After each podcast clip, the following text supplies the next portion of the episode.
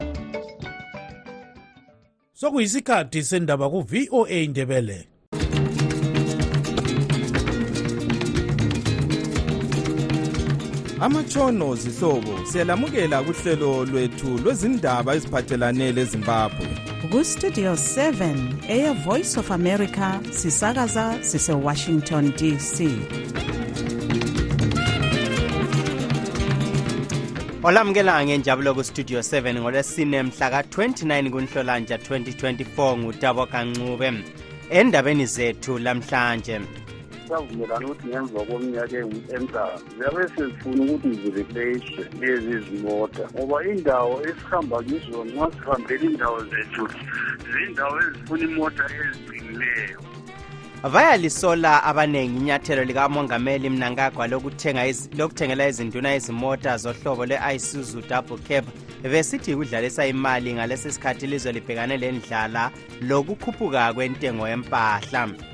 kufike izidlwane ezimbili zadlidonge komakhelwane kwanayo ngilayinini ntambama zazobambeka amakhelwane futhi uncukudayithi uncuku ndakade sikhuluma lokhu isayithoba amanxeba khona etheni kwabekomakhelwane endawana layeni kudliwa idonki ezingu-four izilwane idonki lomntwana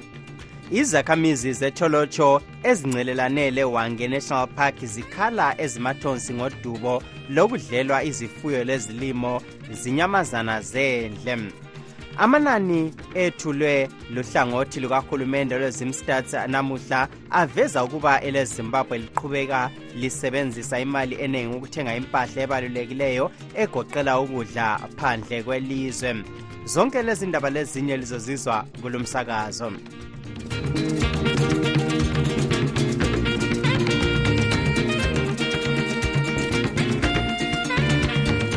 amanani ethulwe luhlangothi lukahulumende lwezimstats namuhla aveza ukuba elezimbabwe liqhubeka lisebenzisa imali enengi ukuthenga impahla ebalulekileyo egoqela ukudla phandle kwelizwe ukwedlula leyo eliyitholayo nxa lithengisa impahla zalo kwamanye amazwe okubizwa ukuthi yi-trade deficit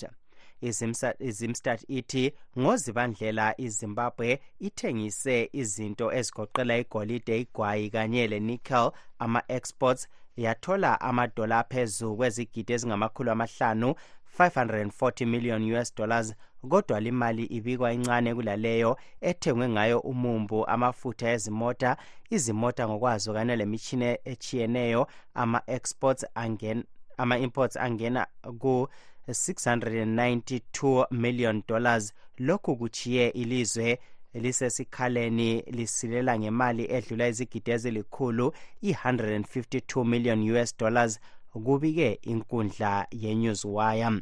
kodwa isikhala lesi sincane kulaleso ebesikhona ngompalakazi nyakenye ebesingena ku-266 million us dollars ingcwethi zithi ukungalingani kwemali esetshenziswa yizimbabwe ukuthenga impahla phandle laleyo eyitholayo nxa ithengisa okwayo kwamanye amazwe kuveza sobala ukuthi umnotho waleli awumanga kuhle The voice of America. umongameli emerson mnangagwa namhlanje uphe izinduna izimota zohlobo lwe-isuzu double cab ezilikhulu ayisikho kwakuqala uhulumende kamnangagwa esipha izinduna imota njalo uzule enkundleni zokuxhumana eze-x le-facebook uyalisola leli nyathelo esithi yikudlalisa imali ngalesi sikhathi ilizwe libhekane lendlala ukukhuphuka kwentengo yempahla njalo odokotela abongi labafundisa emakolitshini emfundo yaphezulu befuna ukukhalala umsebenzi bekhala ngeholo eliphansi umkhokheli wedale lezinduna olwe-chiefs council unduna mtshana khumalo uthi izimota lezi zathengwa kudala siyaziqakathekisa izimota lezi ngoba sivele eh, ngemva kweminyaka emihlanu savumelana ukuthi ngemva kweminyaka emihlanu ziyabe sezifuna ukuthi zireplace lezi zimota ngoba indawo esihamba kizo nxa sihambela indawo zethu zindawo ezifuna imota eziqinileyo okwesibili yikuthi imota lezi kazi azikudwanga khathesi zafakwa kubhajethi e, eyomnyaka ophelileyo so bephuze nje ukubuya kuphela so asomota ezixakiswe ukuthi imali yakhona ukuthi zithengwe idingwe kathesi ngoba sekuqalisa idlala hatshi yikuthi ndaba nje nxa into ukhatshana kiyo yabungakwazi ukuthi ukuhamba njani kodwa thina sizibona ziqakathekile ngemisebenzi esiyenzayo ukuhambela indawo zethu uyabona liyakwazi ukuthi kulezi insuku imigwaqo lesemakhaya ivele kayihambeki ngezimoto so nalimoto ama-ayisi ama-ayisuzi-ke zingconywana nxa uhamba ngazo endaweni ezingalamgwaqo olungileyo lo ube ngumnumzana mtshana khumalo umkhokheli wedale lezinduna ele-chiefs council exoxa ecingweni le-studio 7 sixhume njalo olandela ezombusazwe njalo engunobhala webandla le-freedom alliance umnumzana nhlanhla moses ncube asisoli ukuthi izinduna zibe eh, lezimota kodwa uhlupho yikuthi uhulumende ufuna ukuthatha izinduna enze angathi uyazithenga ukwenzela ukuthi zenze umsebenzi eh, oyabe ungowezandla yikho lapho esisuka sikhathazeke khona eh, izinto ngendlela okumele zenziwe ngayo kazenziwa uzulu udla imbuya ngothi kukule ndlala uhulumende induna ngabe uyazihlonipha ngabe ukuthi umhlaba ngowezinduna laye uhulumende akhokhelwe izizinduna hhayi ukuthi uhulumende abe mkhulu okudlula e, izinduna uzama ukuthenga izinduna kuyinto esiyibona thina e, ingaqondanga abanye bathi imota lezi zithengwe ngesikhathi esingayisiso bekhalakhala e, enkundleni zokuxhumana lina likubona njani lokho ezibhedlela abantu bayafa ezibhedlela akalandaba lakho lokho kufuneka kuphela into okubonakala ukuthi ingenza ukuthi izanu iwine ngoba icala elezinduna zingakuthabela ezinye icala lazo yikuthi yizo eziphila labantu okufune ukuthi kabayevotela um eh, izanu so-ke thina izisebenzi simi lazo sithi izisebenzi kumele zihole ngendlela eqondileyo ukuthi loba kunakekelwa izinduna kodwa kube yinto um eh, elebhalansi hayi ukuthi izinduna zenziwe kube ngathi ziyaxexebulwa ebantwini bazo abantu bazo balambile zona beseziphiwa ukudla kufune ukuthi abantu baze bacine sebekhala ngezinduna nguhulumende odala uqhekeko eh, e, e, esizweni owenza izinto ngendlela enye kufana lo muntu ma engumzali afuna ukunika omunye umntwana izinto ukuze abanye um babe sebehawukela lwana osephila akulethi ukuthula elizweni okuyizinto okunjengakhona lokho umnumzana nhlanhla moses ncube ulandela ezombusazwe njalo engunobhala webandla le-freedom alliance ubexoxa ecingweni le-studio 7 esesouth africa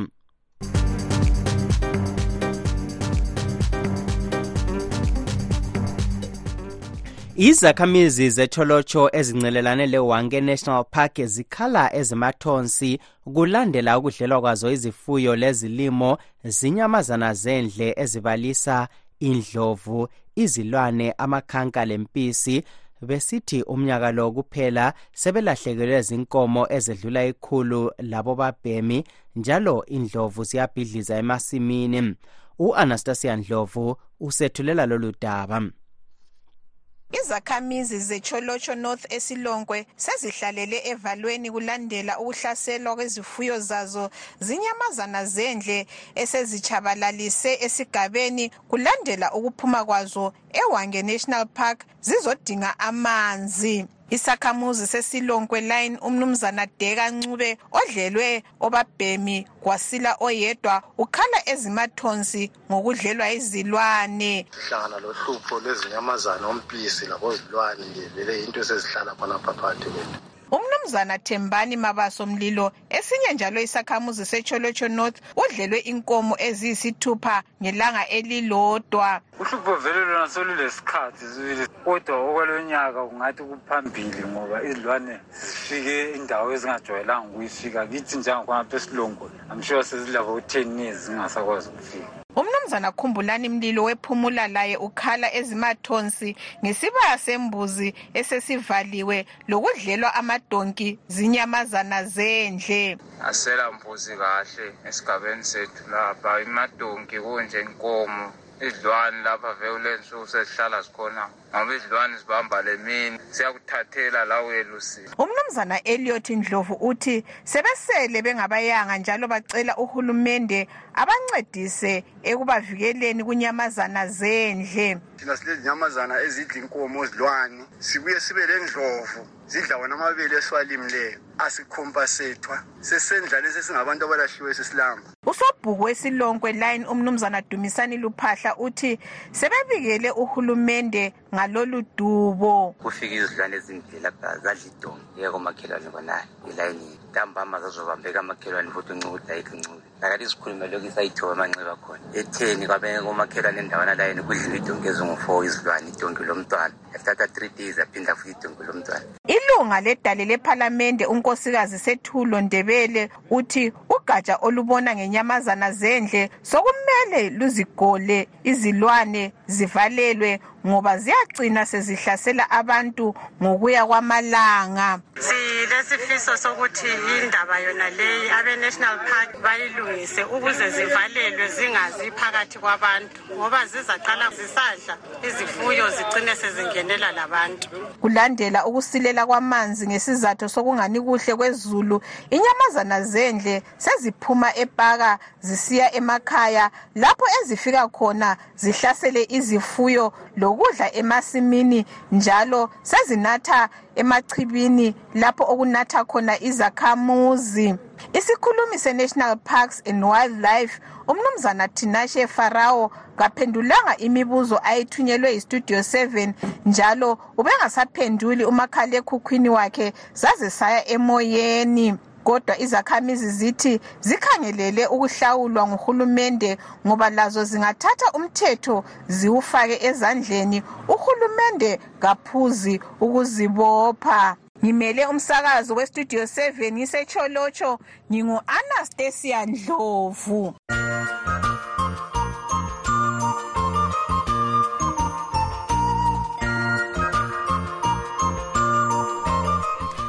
izizalwane zebotswana zikhala ngokugcwala kwabokuza emsebenzini wabonogada kunye labalondoloza ukuthula emicimbini ikakhulu abavela ezimbabwe lesouth africa zithi abantu laba basebenza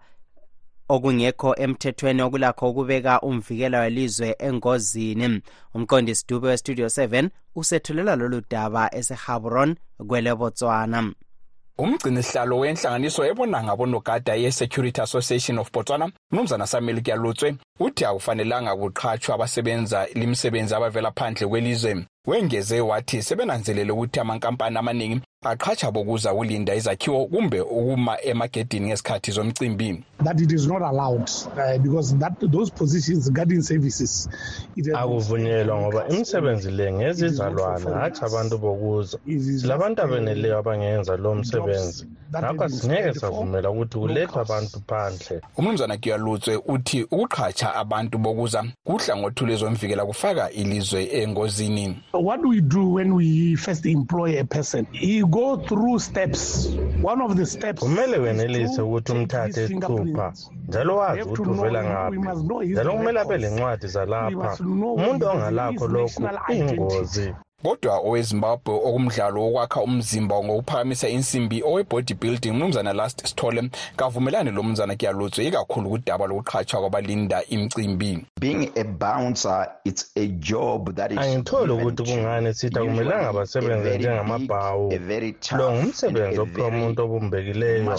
olezikwanga imithetho yakhona iyatshiyana kusiya ngomuntu obambe umcimbi inhlanganiso ye-security association of botswana ithi bonke okumele besebenze noma yiwuphi umsebenzi wokulinda izakhiwo kumbe imicimbi kumele babhalise kunhlanganiso yabunjwa nguhulumende inhlanganiso ye-private security services licensing authority yiyo enika umuntu imvumo yokuthi asebenze njengomlindi wesakhiwo kumbe abe nguye obona ukuthula emcimbini owezimbabwe ohlala kwelebotswana umzana mkhulu limoyo uthi abebotswana yibo abakhetha abezimbabwe ukuthi babe ngabalindi bezakhiwe kumbe emcimbini i-association le isingantwa ifuna ukuba lokuvimba njanjani um ah, kuza kuba lokuqhula samo esambawo especially nxa sikhangela kwezinye izimo ukuthi kuyabe kulezimo ezingantwa zinzima kunzima uthola ukuthi hhayi lapha kunzima mhlawumbe kufuna abantu abazimiseleyo manje abantu abakithi bazimisele kakhulu emisebenzini yonke ukukhonona kukamnumzana kyaluzo kuvezwe ukuthi kulabanye ababeke baba kubutho emazweni abo ngakho uhulumende angeke avumele ukuthi kuqhatshwe abantu abangafaka umvikela welizwe engozini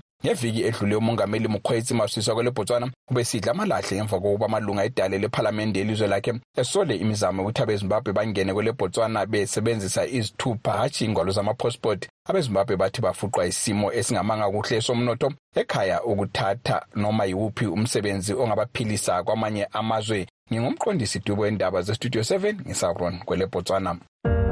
ngesikhathi senguquko kungacaci kahle okwenzakala emhlabeni esikuzwayo kungayisikho esikubonayo sidinga iqiniso sitshelwa izindaba ezingaphelelanga silahlekelwe liqiniso ngesikhathi sohlupho amaphupho ethu ithemba lezifiso zekusasa enhle kwenzakala uma abezindaba bekhululekile kumsakazo we-voice of america silethulela izindaba ezitholwa ngokuzinikela okuphezulu sixhumanisa abantu ngokubethulela iqiniso kumsakazo we-voice of america silethulela okwenzakalayo njengoba kunjalo amanye amalunga ebandla lezanu p f athi ayasekela uhlelo lukahulumende olusaqhubeka olokuxazulula udaba lwegugurawundi oluzakhokhelwa izinduna ezigabeni zazo olusolwa ngabanye abangumabandla aphikisayo labalwela ilungelo loluntu besithi aluqhutshwa ngemfanelo kubikwa kwabulawa inkulungwane lenkulungwane zabantu ngesehlakalo segugurawundi ilizwe lisanda kuthola uzibuse ikakhulu ezigabeni zemathebeleleni lemidlands uhulumende aze athumele ibutho lakhe le-fifth brigade kulezo ndawo esithi lidinga abahlamuki kungxoxompikiswano yokuhlaziya lolu daba silomnumzana msongelwa ndlovu isikhulumeli sebandla lezaphu lomnumzana dube mkhombwe ilunga lebandla lezanup f belosithandekile mhlanga westudio 7 umnumzana mkhombwe nguye omqalisa siziba ngiyavumelana nohlelo lolo logugurawundi ngoba singakhangela thina sizalwa sisiye esikolo saphela lolotshiwe emabhukwini kukhulunywa ngakho so kuya kuqakathekile ukuthi uhulumende okhona namhlanje okababa edini nankagothi indaba le ike ikhulunywe ngakusenza abantu bequmisana imilotha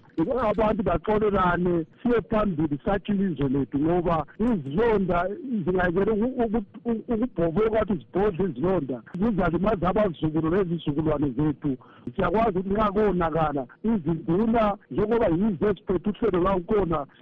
sile-department ye-reconciliation silokho siyavumelana labo mnumzana ndlovu uyavumelana yini lo mnumzana mkombo bengimele kwenziwe lokho siyavuma siyabonga ukuthi sokwenziwa Eh kodwa iphutha elikhona ngelokuthi siyazi sonke ukuthi iminyane ayelaphi imalaria. Siyakwazi sonke ukuthi umthakathi akayelaphi akusiyo nyanga. Kuletsihamba kwe report eyaluyenzayo lolu hlelo uhulumende lo akafuni layo ukuthi vele seyazi yantshontshwa. Thina abezaphu abayibo ababehloswe ukubhuqwa sithi uhlelo lolu aluqhutshelwa ukuthi luvale izilonda ezikhulunywa ngubaba umkombwe uhlelo lolu lwenzelwa nje ukuthi bachithe ubufakazi bonke obukhona ukwenzela ukuthi bazigezise bona laba ababulala abantu nanso-ke indaba mnumzana mkombwe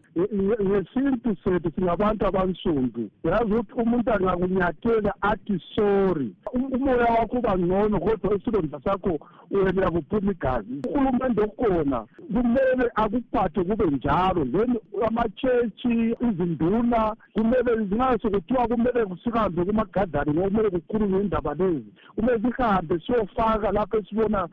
ukuthi silubona ukuthi luhambe njani uhlelo lolo siyakwazi ukuthi ukuvuma komuntu omdala akula muntu omdala othi ngiyavuma emenyenze so ubaba undlovu uyakukhuluma njengobaba olobuhlungu njengami njengomuntu osuke umhlukule emathebeleleni but okusalayo kumele sibone ukuthi into le iyakhulunywa ngoba indaba yegugurawundi asike sithi ingakhulunywa two months two weeks it's a process mnumzana ndlovu kahle kahle kuyini elikusolayo okwakuqala um uba umkombwe lapha uyaveza ukuthi umuntu engakukhuba kumele athi sorry laba abakhuba emathebeleleni laba abalegazi elithonta izandla zabo akula loyedwa oseke waxolisa abafuni ukuxolisa okwesibili uchief jarumbira onguye okhokhelele izinduna lezi eziphethe lolu hlelo uphume lapha ensukwini ezidlulileyo esithi uguground le akusiyo genocide akusombhuqazwe uthi yena yayeyi-conflict bayavula bona amanxeba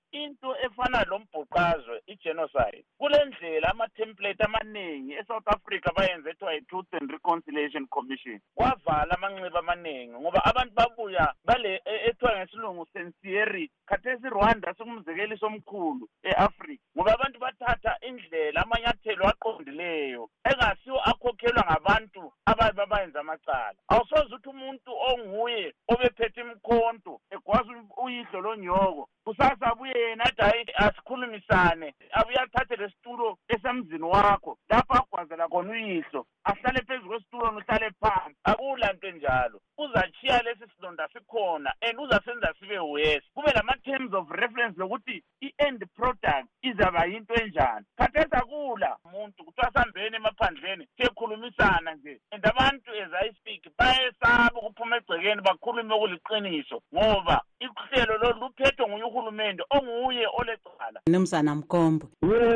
uhulumende uyatshengisela ukuthi usevumile ungabona ecela izinduna abazigcinela amasiko ukuthi mina ngihalala lo mfazi womuntu at least umnikazi womfazi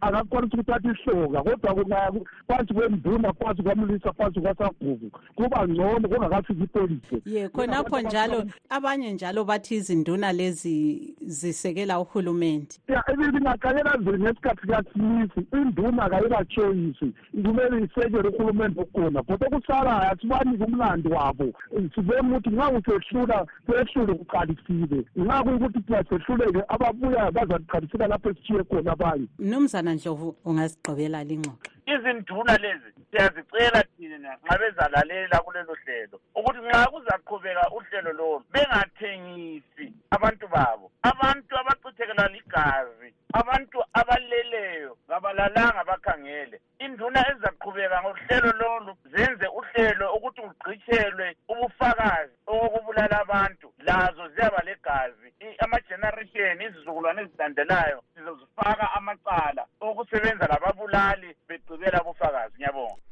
lo ngumnumzana msongela ndlovu isikhulumeli sebandla lezaphu obexoxa endaweni lomnumzana dube munkombwe ilunga lebandla lezanu p f belo sithandekile mhlanga owestudio 7 Thank you.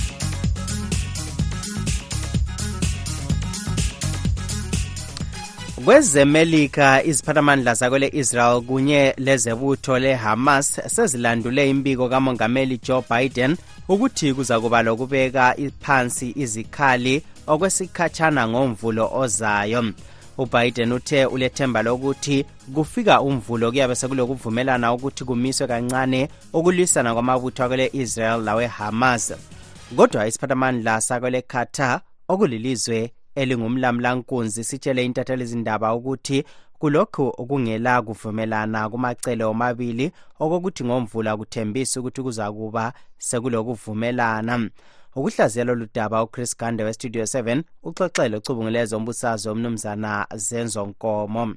okwenza bebe manxikanxika yikuthi kukhulunywe ngumuntu ovele laye ethatha isayidi kule kule ngxabano eqhubeka laphana e, e, epalestine ne-israel um ngoba i-amerika sizabuyela emuva kancane ku-united nation ayikaze ivume ukuthi i-israel i-wrong ngaso sonke isikhathi iyilona lizwe e, eyeme ngayo kukhona kukhona lonke uchuku u-israyeli elwenza kumaphalestinian eh ukuthi ke kukhulume yona mhlawumbe bengavumelana neIsrael kodwa ke iHamas konke okukhulunywa eAmerica ayisoze ikulalela ayisoze kwethembe eh yileso sizathu kodwa ke futhi iIsrael nayo sibona ingakakulungeli ngoba okunye osokumele siqale ukuthi sikubheke ngaphakathi kwe-israyeli yikuthi sekukhona um umvukela omkhulu kakhulu osukhomba ekuthenini iqembu elibusayo eliphethwe ubenjamin netanyahu eh abantu sebefuna nje ukuthi ngabe lishiya phansi ngabe kubizwa ukhetho eh olukhanyayo ukuthi lolo khetho kungenzeka ukuthi bengabe besalunqoba manje nxa ukhangela ubona ungani bagcina bevumelana yini ukuthi kufakwe phansi izikhali okwesikhatshana eh impi yonke babugandi ayikaze iphele eh kuliwa impi yonke ukuphela kwayo noma ngabe kade kuliwa kangakanani na kuyahanjwa kuyoxoxiswana ekugcineni lokhu sizakubona kwenzeka kodwa ngaphambi kokubana kwenzeke kuba nezinto eziningi laba abaxabeneyo abathanda ukuzibhekisisa ngoba uma sekusiyiwa xoxiswana akekho ofuna ukuthi eh abonakale eh engasuye umanqoba wonke umuntu empini ufuna ukuthi ekupheleni kwempi abe e, e, ebukeka enqobile noma ezuzile lokhu okuyikhona okumenze kwaze kwathathelwana izikhali kwaliwa umnumzana zenzo nkomo ucubungeleza umbusazwe ubekhuluma ecingweni lestudio 7 esejohannesburg kwele south africa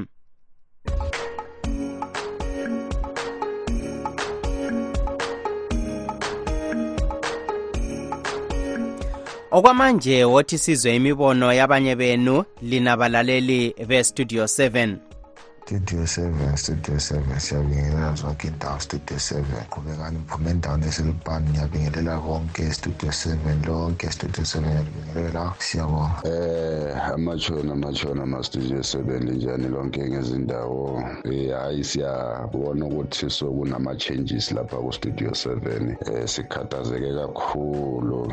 eh, ngama-changes akhona kulo studio 7 ngoba imibono yethu ayisanikwa sikhathi esifanele njengasemuva so kunciphe kakhulu isikhathi senu ma-studio 7 lisinciphise kakhulu okokuthi thina singabalandeli baka-studio 7 um eh, abalandeli belizwe sifuna ukulungisa ilizwe lethu um eh, ngemibono yethu esinayo kuhle kakhulu ukuthi sililungise langemibono eh, ethile ngoba wena studio 7 kunguwena osihlanganisayo sonke sisizwe salapho jikelele noma ukuphi america ukuphi south nakuphi nakuphi sikwazi ukuthi sihlanganise imbono yethu silungise ngoba udaba esingalwe ukulungisa ilizwe lakithi yikhona okuqakatheka kukastudio 7 okwazi ukuthi asihlanganise um sibonisane ngembono yethu ukuthi ilizwe lethu sizolilingisa kanjani yini okudingekayo ukuthi sikwenze singabantu bakuleli lizwe so ma selinciphisa isikhathi kakhulu mastudio 7 singazi njengoba siyezwa ukuthi imithetho kagovernment ivalela ama-journalist ngaphandle mhlawumbe nani sebafikele khona ngapho um kustudio 7 bathi linciphise isikhathi sembono yabantu sesiyacabangela nje kodwa sazi ukuthi ungabe kuliqiniso na so siyacela isikhathi esilingene um nanoma bengasinikeza nje i-ten minutes kuphela kuzobe sokukhuluma abantu more than seven eight abantu siyacela sibuyele isikhathi sethu siyasidinga ama-studio seven studio seven studio seven njani hhayi katshelwe nje ukuthi ulamanga mnankagwa unamanga atshelwe nje ukuthi unamanga impela nje ukuthi izimbabwe inakekela abantu kubi lo muntu le kumele ahambe kubo lo ngicela i-audio yami kibalwe bakithi litshelo lelizambiya ukuthi uyihlo wadiphothwa ezambiya kibo wena uhamba nini kambe kubo lo muntu lo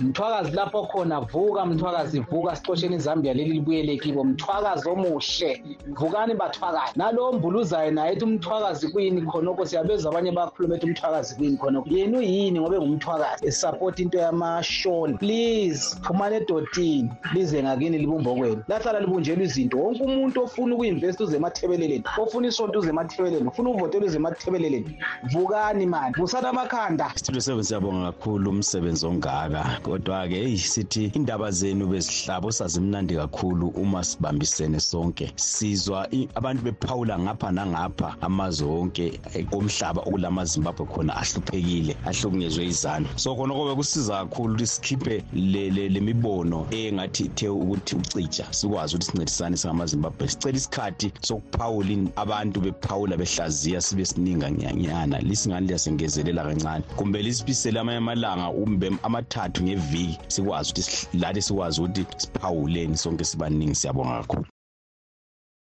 labo ngabanye babalaleli bestudio 7 besipha imibono yabo kulive talk lingakhohlwa uhlelo olulandelayo lapho esikhangela ukuhlukunyezwa kwabesifazane emulini silugqiba-ke lapha uhlelo lwethu lwanamhlanje oluvalelisayo ngutabo kancube sithi lilale